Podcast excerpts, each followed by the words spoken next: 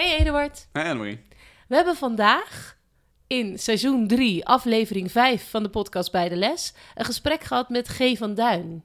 Uh, oud docent van het Cartesius Lyceum en oud uh, lerarenopleider van de ILO. En uh, we hebben met hem gepraat over duurzaamheid. Iets wat hem heel na aan het hart ligt en waar hij um, met ons over na wil denken van welke rol zou duurzaamheid, natuurlijk de, een van de grote vraagstukken van deze tijd, moeten hebben in het onderwijs. Ja, en het was, uh, ik vond het een heel interessant gesprek, omdat uh, jij hebt uh, met hem samengewerkt voor Big History. Uh, voor mij staat het vanuit mijn vakgebied wat verder van me af. Dus ik vond het heel interessant om hem daarover te horen spreken. over de klimaatgesprekken onder andere.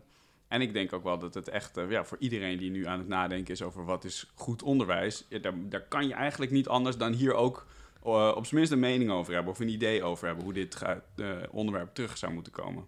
Ja, zeker. Nou, en wat, wat mij altijd heel erg raakt bij, bij G is dat hij altijd met onderwijs bezig is gebleven. Dus hij heeft tot op de laatste dag voordat hij met pensioen ging, was hij uh, bezig met zijn lessen te verbeteren. Uh, en zelfs toen hij wegging, uh, kon hij het niet helemaal loslaten. En ja. is hij nog bezig met de dingen die, die hij echt belangrijk vindt. Ja. Nee, Inspirerend. Zeker, dat, precies, dat wilde ik net zeggen. Oh, um, ik zou zeggen, veel plezier met luisteren. Vergeet niet te abonneren of sterren te geven als je het leuk vond.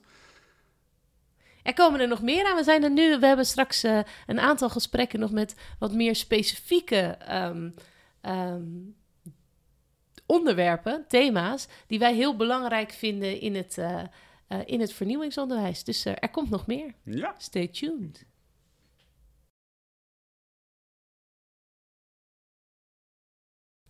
Welkom, G. Nou, fijn dat ik hier ben. Voelt vertrouwd. Ja, ja oude stek oude stek, nou, hier heb ik nooit gezeten. Nee, deze dus specifieke die, kamer niet. Diagonaal misschien. verder weg. Nou, trouwens, ja, dat is waar. Ja. Uh, want uh, uh, tot op een twee jaar geleden is het? Drie. Drie alweer. Drie jaar geleden was jij veel te vinden in het biologielokaal. 001 zet je vaak? Of 101? 001. 001. Um, we beginnen eigenlijk altijd de podcast met de vraag: wat heb jij vandaag gedaan? Um, eens even denken. Ik ben begonnen met een afspraak op mijn telefoon te veranderen over de veldwerkweekvoorbereiding. En toen heb ik de krant gelezen en toen heb ik geprobeerd om een boek wat ik heel interessant vind, om daar wat verder in te duiken. Mwah. Welk boek was dit? Eco-Mind. Klinkt uh, hoogdravend? Of, uh... nou, nou, redelijk. Maar goed. En ik heb nog een poosje, toen de zon nog net in mijn tuin was, de daslook geprobeerd eruit te halen op de plek waar ik het niet wilde hebben, zodat ik ook weer lekkere daslookpesto kan maken. En ik heb even nagedacht over hoe zou het hier gaan. Kijk, klinkt nou, als het goede leven. Precies, er zitten gelukkig wel een paar pensionado momentjes in, want uh, dat moet wel, uh, uh, zou, nou, moet helemaal niks. Maar um, dat zou wel goed zijn. Maar je bent dus eigenlijk ook nog heel erg bezig met je vak. Nou, dat valt wel mee hoor, vind ik. Dat, af en toe denk ik, ik moet meer doen, maatschappelijk gezien als het ware. Nee, ik vind niet dat ik zo heel veel met mijn vak bezig ben. Toen ik met pensioen ging, had ik het idee, ik ga me heel erg richten op het herkennen van kostmos en grassen, wat ik vroeger heel leuk vind. Nou, komt helemaal niks van. In welk jaar heb jij je eerste les gegeven? Um, nou, dat is ingewikkeld, want ik ben op de universiteit, uh, had ik op een gegeven moment uh, in mijn derde jaar, deed ik een cursus, de laatste cursus van het jaar, en dat, dat was waanzinnig. Want bij alle andere cursussen stond alles klaar, proefjes, instructies enzovoorts. En dit was een cursus, drie weken, en je kreeg aan het begin twee briefjes met daarop uh, als je van een plant de top afknipt, dan uh, gaan er onder knoppen uitlopen en dat heet apicale dominantie. Uh, zoek uit hoe dat werkt. Nou, dat. En, en iets met fotosynthese. En ik werkte samen met een vriend en wij dachten, wow, in drie weken hebben wij dat, wij zijn in een week klaar joh.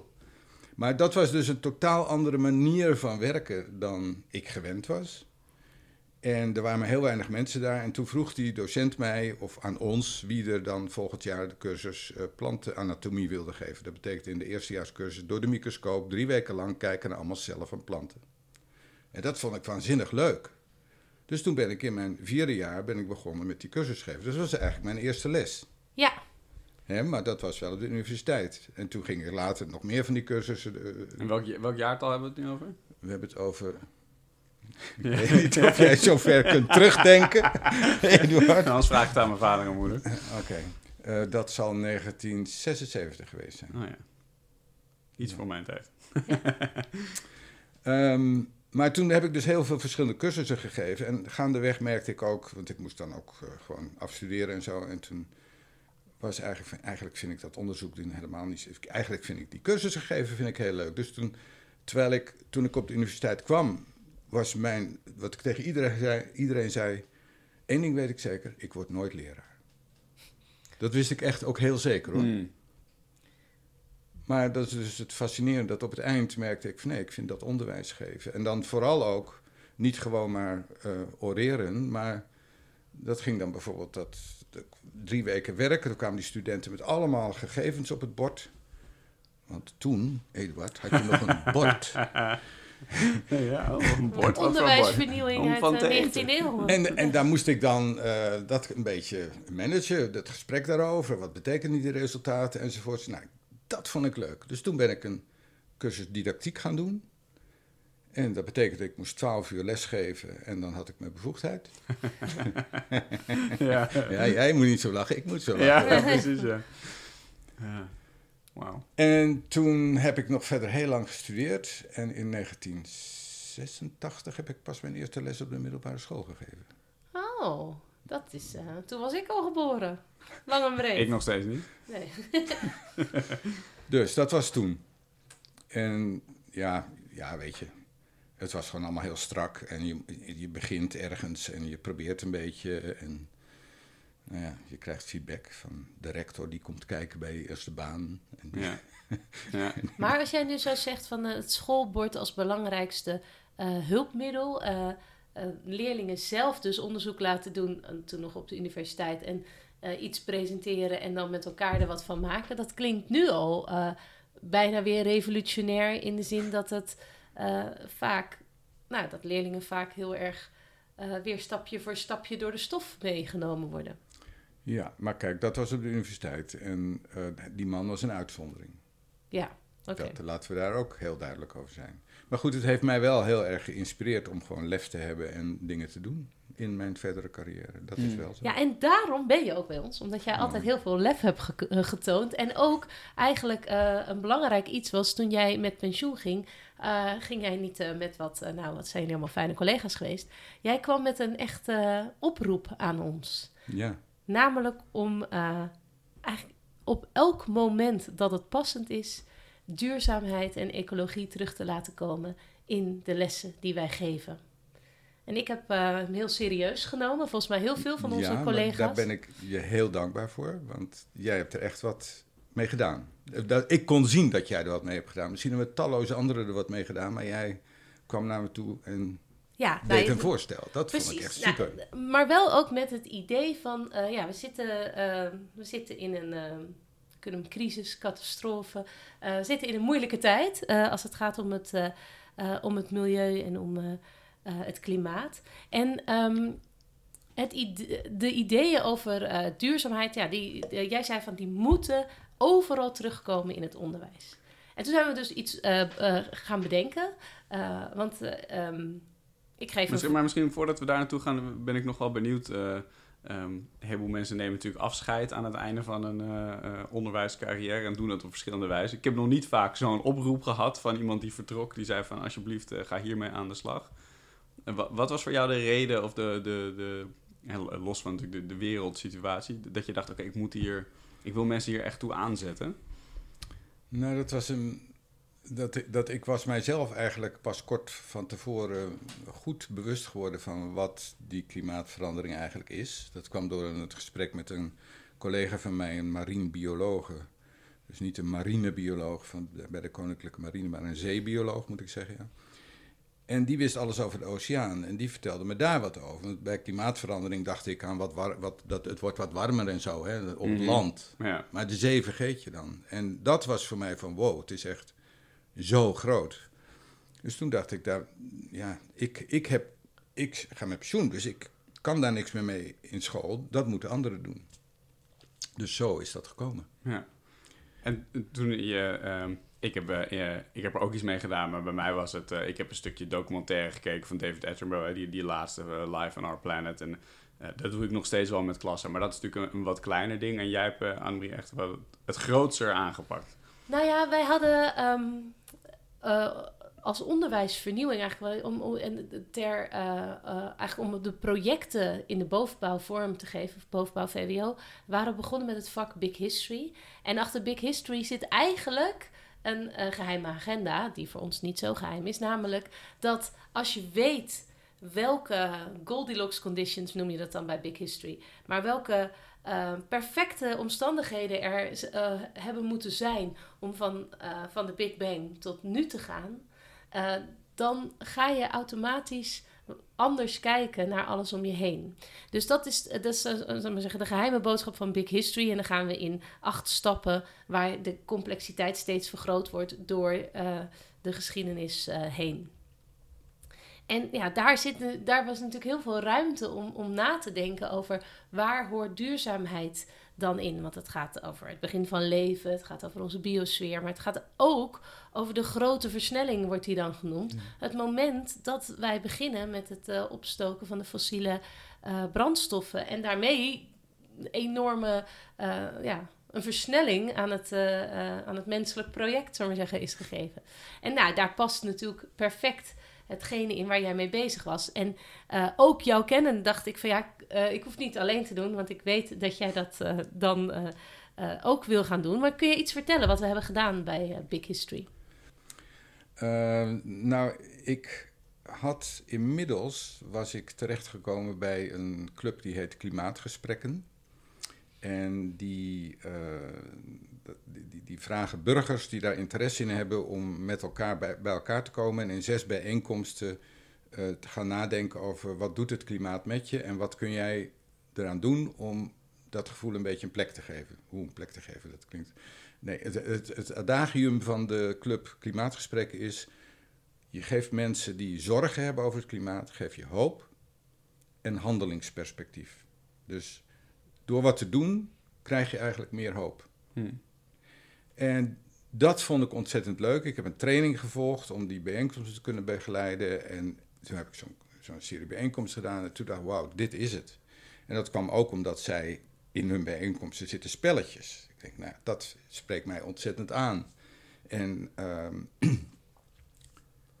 dus toen dacht ik van, dat soort dingen die daarin zitten, die kan ik gebruiken op school. In de Big History les of bijeenkomst die dan daarover gaat. En toen heb ik volgens mij samen met jou daar een beetje over zitten brainstormen. En hebben we een constructie gekozen dat ik eerst een soort introductie gaf en daarna gingen de drie groepen uiteen en gingen daar dingen doen. En toen merkte ik van ja, dat is gewoon, ik, toch sta ik weer een half uur te oreren. dus, dus het jaar daarop, of twee jaar, ik weet niet meer precies, want toen kwam corona ook al. Ja, precies, ik. Ja, ja. Nou ja, toen, toen hebben we dus veranderd. Dat, uh, en dat vond ik eigenlijk, merkte ik, dat is de manier waarop het moet. Ik heb met jullie voorbesproken hoe het zou gaan, hoe het zou kunnen. We hebben, wat willen jullie ervan kiezen van alle mogelijkheden? En toen zijn jullie met z'n drieën ieder apart begonnen met die leerlingen. He, dus ik was eigenlijk de schim op de achtergrond. En ik, uh, ik uh, zag het en het was goed. Mm. en uh, ik ben wel benieuwd, wat, wat, kwam er zoal uit onze leerlingen over dit thema? Z zijn er inderdaad grote zorgen of uh, ontkenners? Of, nou, dat is, ja, de, ik heb van tevoren, kregen alle leerlingen een enquête, een vragenlijst uh, over het klimaat. Met allemaal stellingen en ook stellingen van, dan staan er dertien termen, genre angst, machteloosheid, hoop, vertrouwen. En dan mag je er drie van aankruisen of vijf die je het uh, belangrijkst vindt. Het, die jou het mm -hmm. meeste gevoel ja. overeenkomen met jouw gevoel. En daaruit bleek inderdaad die angst. Want dat had ik inmiddels al opgevangen her en der. En Annemarie heeft daar toen ook nog nadrukkelijk naar gevraagd... of op de een of andere manier daarachter gekomen dat het echt serieus speelde. En dat was voor mij ook iets van, ja, dat is gewoon niet zo fijn om met zo'n angst te leven. Ja. En het verlamt ook, hè? Angst verlamt. Ja, Dat is, je kan er dan niks aan doen. nee, klopt. Ja. En ik heb dus later geleerd van psychologen dat angst verlamt inderdaad. En als je serieuze zorg hebt, dan kan dat weer leiden tot actie. Dus dat is het, het gevoel dat je hebt, maakt uit voor wat je ermee kan. Ja, zeker. En bijvoorbeeld een van de voorbeelden van de werkvormen was dus op basis van eh, de lijst die ze eerder hadden ingevuld, moesten ze gaan staan in een kwadrant over eh, waar ze dan angst en bereidwilligheid om tot actie te komen in een, eh, ergens gingen staan en dan met elkaar praten. Waarom sta je daar? Ja. En wat doe je al? En wat kun je nog meer doen? En, en wat vooral vond ik heel opvallend is bij onze leerlingen, is dat het heel, ja, heel ver in de beide hoeken staan. Er zijn leerlingen die heel erg nog bezig zijn met het ehm, nou, gewoon vergaren van rijkdom. Dat dat het grootste eh, goed is. En Ja. daarmee dus ook alle kapitalistische ideeën van het kopen van spullen, te reizen naar verre landen. Ehm, en andere leerlingen die juist al heel bewust als een soort postmateriële manier Ja. kijken naar de wereld. Ehm, nou, dat is wel heel interessant om die leerlingen met elkaar in gesprek te laten Ja, gaan dan, dan daarover. zien ze het ook van elkaar, wat voor verschillen er zijn. En dan heb je eigenlijk weer iets om verder over te praten. Ja. Eh, wat mij heel erg opviel, je bent natuurlijk naast leraar ook eh lerarenopleider op de universiteit eh, een groot, Geweest. geweest. Een groot deel van je carrière naast, toch? Ja, Klopt, ja. ja. Ehm, want wat ik heel leuk vond, is dat jij van iets wat door therapeuten ontwikkeld is en waar jij in geschoold bent, dat jij dat maakt tot een toolbox waarin er keuzes zijn voor elke docent, dat dat dan goed past bij hetgene wat jij wil vertellen, waar je comfortabel bij voelt en wat, dan, wat je dan kan kijken hoe de klas reageert en eventueel iets anders in kan zetten. Ehm, blijft dat, is dit iets wat jij altijd deed bij het maken van, van lessen? Nou, ehm, het, het, wat je nu vertelt, dat, dat ik een soort toolbox maak.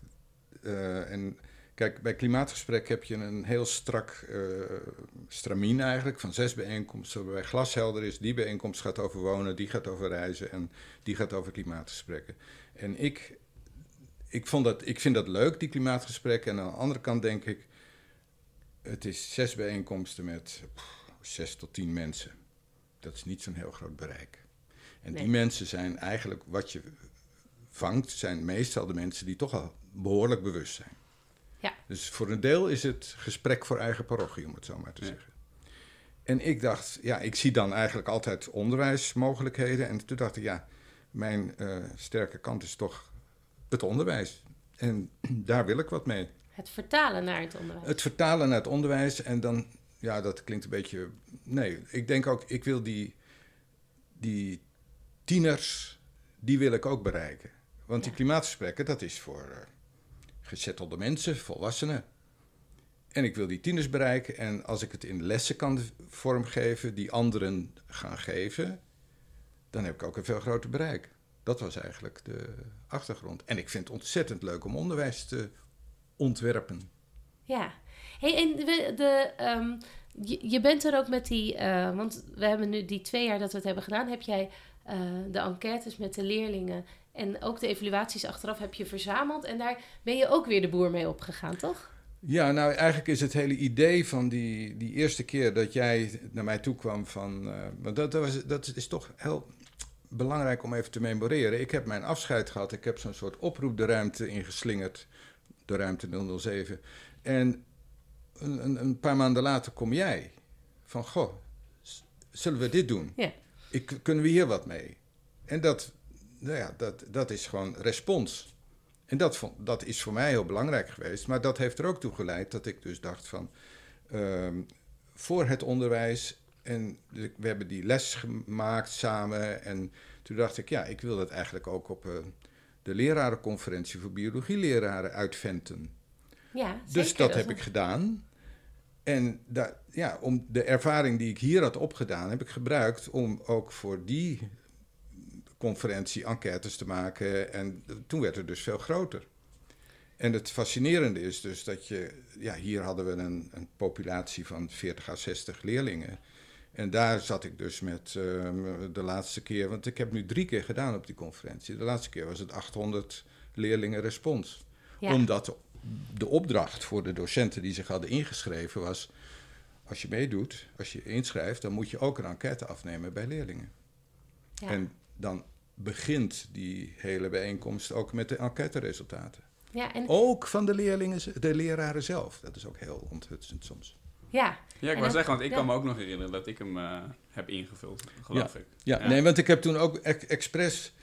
Ehm, kijk, op Cartesisch heb je de leerlingen en het personeel. Het Mhm. leek mij leuk om die te vergelijken. En dat Ja. was ook leuk. En volgens mij vond het personeel het ook leuk om zichzelf als personeel in de staafdiagrammen Ja. te zien. Maar ja, eh, Kun je je nog herinneren wat daar dan het opvallendste verschil of nou ja, de- de- overeenkomst wat, wat er echt zo uitsprong, dat was eh vliegschaamte. De vraag over vliegschaamte. Oh ja. Dat is een vijfpuntschaal. En eh, heb je, als je vliegt, heb je wel eens last van vliegschaamte. En dat kan zijn nooit of tot altijd. Nou, bij de leerlingen was het vrijwel allemaal nooit. ja. En dan, eh, de, de, dan een heel stijl aflopende lijn, zal ik maar zeggen. Ja. En bij de personeel was het precies andersom. Echt gespiegeld. Ja, oh mooi. Een kruisje. Ja. Ja, en dat, dat is eigenlijk in die enquêtes die ik over dus veel grotere aantallen in over heel Nederland heb afgenomen, komt dat wel ongeveer overeen.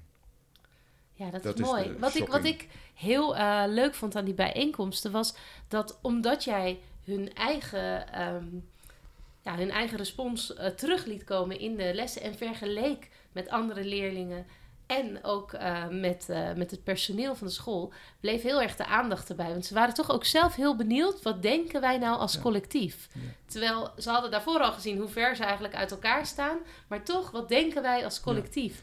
Blijft, maakt het heel interessant voor leerlingen om hiermee bezig te zijn. Maar ja, dat vind ik ook altijd. eh, ja, dat is, leerlingen vinden het verschrikkelijk leuk om, te, om iets over zichzelf te horen. Dat is heel Mm. grappig. Ja. En nu hebben ze zelf de input gegeven en ze zien het terug. Dat is eigenlijk heel simpel, maar het pakt wel de aandacht. Ja, Ja. zeker. En het geeft mij informatie. Ja. Hey, vind jij nou, want wij zijn ondertussen zijn we natuurlijk heel erg op zoek naar ander soort onderwijs, waarin deze grote vragen, want dit is natuurlijk wat mij betreft de grootste vraag van deze generatie, hoe gaan we hiermee om? Ehm, vind jij dat het duurzaamheidsdenken of gewoon denken over ecologie, klimaat goed naar voren kan komen in de huidige vakkenstructuur? Ik denk dat het wel kan, maar eh, het hangt heel erg af van de docent. Ik wil een voorbeeld geven van ehm, op het Berlage, daar zit een bioloog en die heeft een eigen vak ontwikkeld, sustainability. Ja, En dat doet hij met drie VWO en hij gaat het nu in drie HAVO en drie gymnasium doen. En Felix P., zo heet hij, de naam mag wel even genoemd worden, die heeft dat gewoon zelf bedacht. Maar hij heeft wel allerlei ehm, externe bronnen gevraagd. En, en het is een soort combinatie van ehm, informatie, maar vooral dat leerlingen zelf een project doen en daar externe opdrachtgevers bij eh, hebben. ja, Dus het is heel actief. Ehm, hij is vooral een organisator. En ja, dat is, gaat totaal over duurzaamheid. Dus dat is binnen één vak en dat kan prima. ja. Maar is het dan nog binnen één vak of is het gewoon binnen één eh, docent die een nieuw vak opzet? Ehm, ja, zo zou je het ook kunnen noemen. Ja. Ja. Nou ja, dat, dat is natuurlijk iets waar... Nou, maar we- kijk, dat- dat- ik wil daar nog iets aan toevoegen, want er is ook een boek verschenen, Plan Beta heet dat. En dat gaat over hoe je als beta-secties binnen een school daaraan kunt werken. En dan moeten directeuren moeten wat doen enzovoorts. En ja, weet je, maar dat is ook mijn geschiedenis. Ik ben gewoon eigenlijk altijd een beetje in mijn eentje aan de slag gegaan als eh, onderwijskundig knutselaar, zal ik maar zeggen. En dat ging allemaal hartstikke goed en leuk. En daar was ik blij mee. En soms kreeg ik mensen mee en soms niet. En als ik denk soms niet, dan denk ik, ja, dat is not my league. Dus, eh, en als een directeur zegt, ik wil eigenlijk wat jij doet, dat moet veel groter worden. Dan denk ik, oké, kom op, Ja, laten we dat doen. Maar ik had dus niet de ambitie, ja, misschien zou ik dat nu wel hebben, inmiddels als ik nog langer was doorgegaan, om dat heel breed te maken. Want Nee, ik was, eh, ja, ik zat er helemaal in de dingen die ik deed voor mijn vak dan. En dit eigenlijk ook. Ja. Maar is dit eigenlijk wel een duidelijk verhaal? Nou, Nou, ja, maar, maar dat, eh, ik, ik kan heel erg volgen. Ik denk dat dat op heel veel scholen in Nederland ook inderdaad zo gaat. En toch uiteindelijk is sowieso denk ik heel veel van wat er gebeurt altijd afhankelijk van een individu die daar enthousiast over is en die daar graag mee Ja. aan de slag gaat en een mooi idee voor heeft. Ja, en dan is het heel essentieel of een, een, een directie eh, dat ziet en dat stimuleert. Of dat een directie en collega's dat zien en denken, oh kom op, niet al die Ja. eh, nieuwigheden. Nee, dat sowieso. Maar een vraag is misschien wel rondom dit thema. Gezien hoe groot het, de- het probleem is, is dit dan voldoende? Is het voldoende om het over te laten aan het enthousiasme van de individuele docent die een mooi idee heeft? Of zou het Nou ja, het zou mooi zijn als het veel breder wordt. moeten worden? Ja. Alleen het vervelende is dat dat soms heel lang duurt. ja. En als individuele docent kun je wel ehm, meters maken.